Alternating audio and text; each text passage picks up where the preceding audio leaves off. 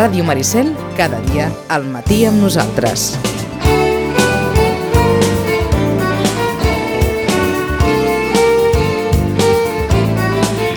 Nou i 44 minuts, em sembla que l'hem despertat. Una mica. Què tal? Bé, home, bé. Ah, ostres, per, per una vegada que m'ha sortit un badall, puc confessar, eh? Vols, vols despertar-te de cop? Sí. Sí? Do doncs vinga, anem, anem, a, anem a fer aquesta prèvia perquè més o menys s'activi en, en, en Chachi i aquesta prèvia ens portarà al passat 1 d'abril, sí, era l'1 d'abril? Sí, 30 de març o, o 31 de març o 1 d'abril. Bé, dijous sant. Bona nit, sou a Verges.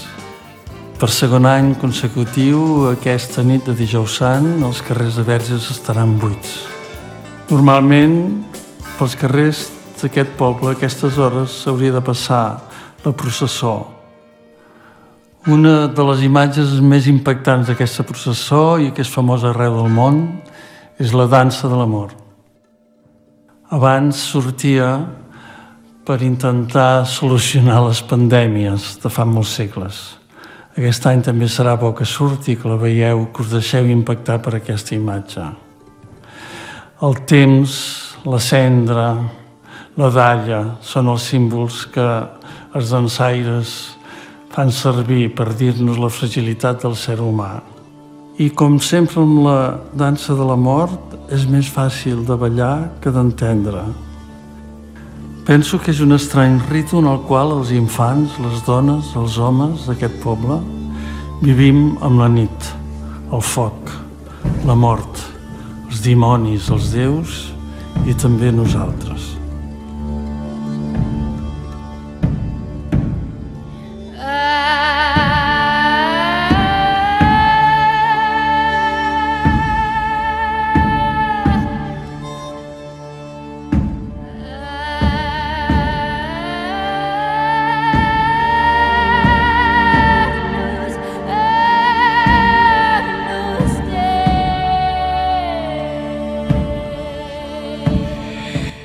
Aquesta dansa de la mort, una peça audiovisual que es va presentar al Telenotícies de dijous sant, dirigida per Lluís Danés, amb aquesta prèvia segurament de, de, de l'home més popular de Verges, o que ha fet Verges més popular, Lluís Llach, i amb aquest Agnus Dei, original de Rufus Wainwright, en versió d'Alfred Tapscott i Gemma Humet.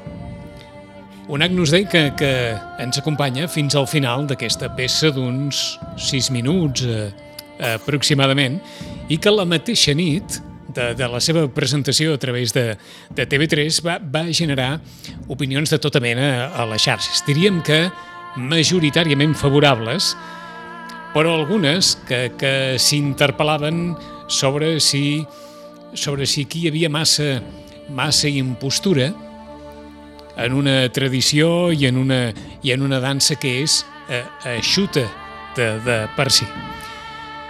En sabies de l'existència d'aquesta peça, que s'estava fent alguna cosa així, Txachi, o no?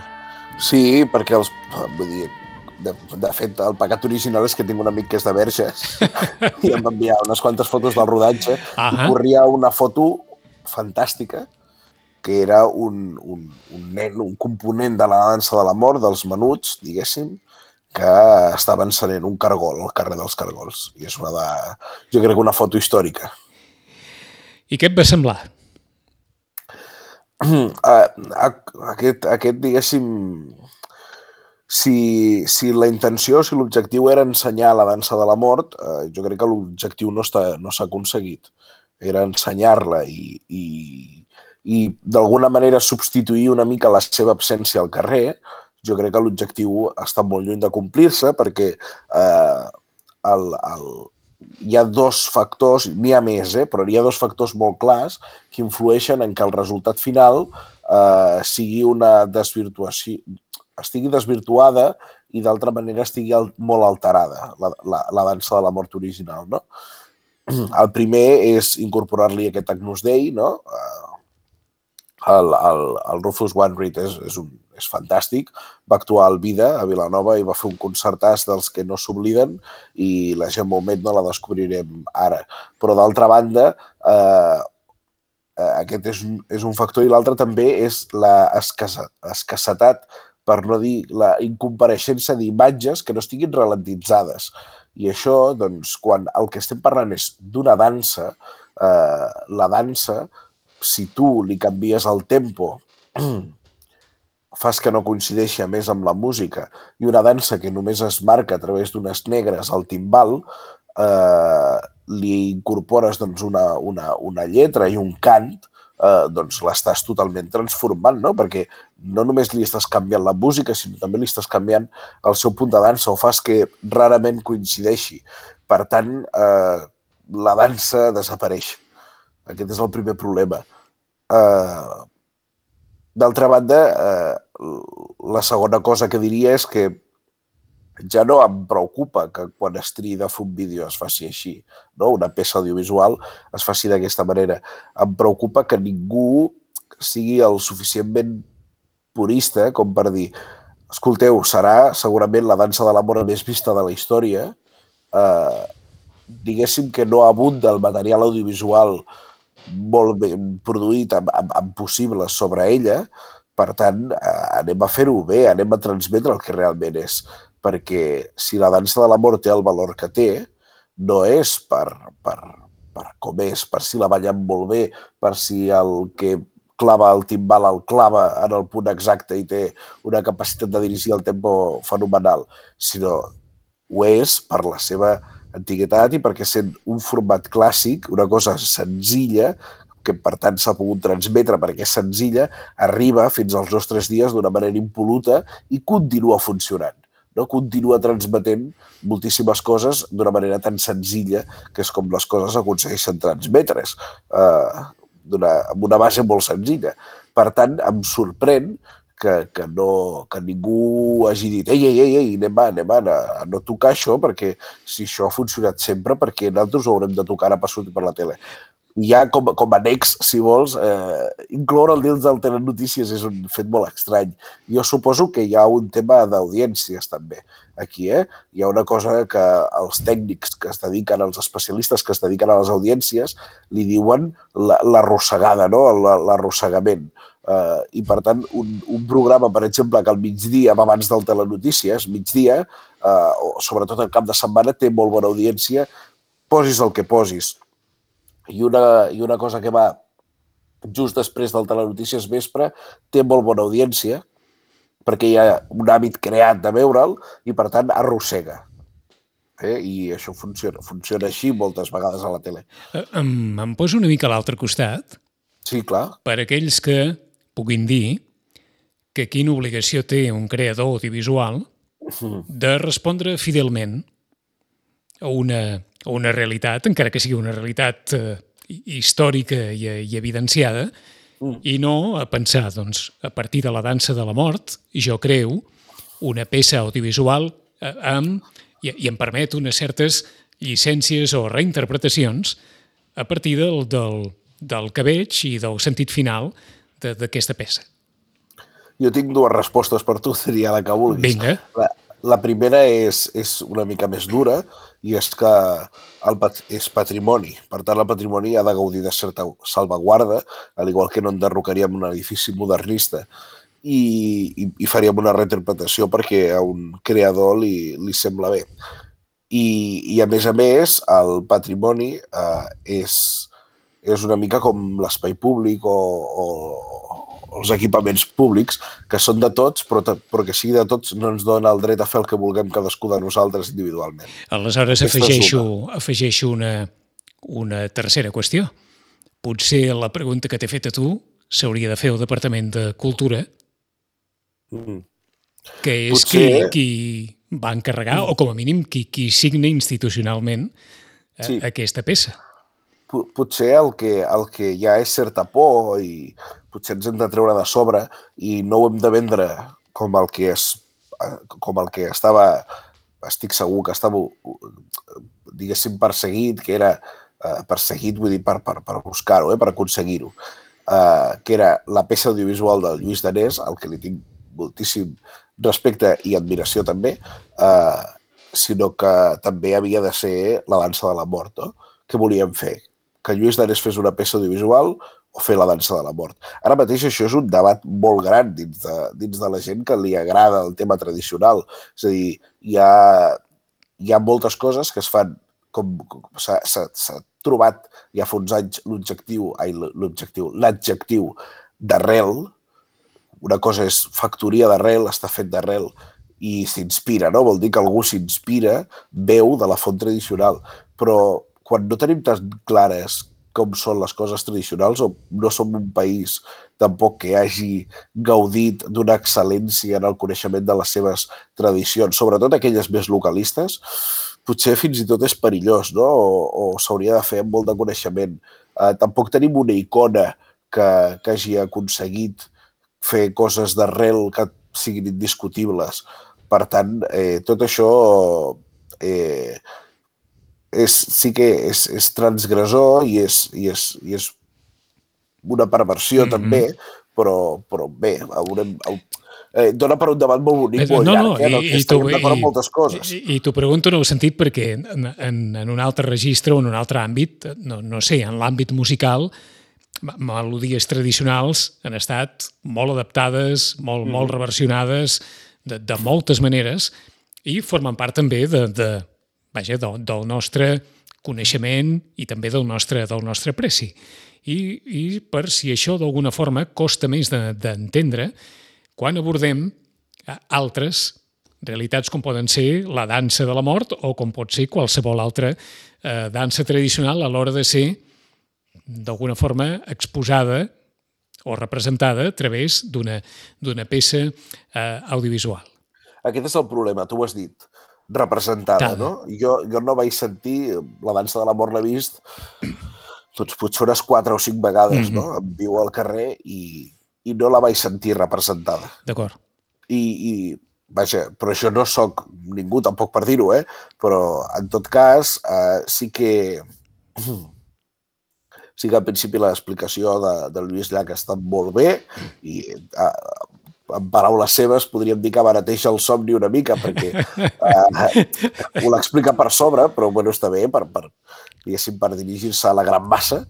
Eh, però d'altra banda eh, sí que trobo a faltar que, clar, en aquest cas la descontextualitzem totalment de la processó i no sé, eh, tot dona, dona per molt, eh? però crec que jo... No, no, volíem només una, un apunt a, partir del que va passar aquella, aquella nit de dijous sant, que, que segurament molts diran, home, no n'hi no, no ha per tant, no sé què, però en qualsevol cas han passat molts dies i com que aquest treball audiovisual de, de Lluís Danés eh, és, és molt visible arreu, a YouTube, a, al canal... Va de la... ser el vídeo més vist a Tres a la carta. Ah, està clar, i, i continua present allà per tots aquells que, que el vulguin veure. Ens semblava que, que, que en Camanxatge podríem recollir més o menys aquesta opinió de, de moltes persones, i la seva pròpia, òbviament, de, del món de les, de les tradicions sobre quin, quin impacte eh, els va els va oferir aquell, aquell vídeo. Però avui hem de parlar també d'aquest corpus que se'ns acosta, però com a mínim, com que abans tenim Sant Jordi, hi ha un llibre de corpus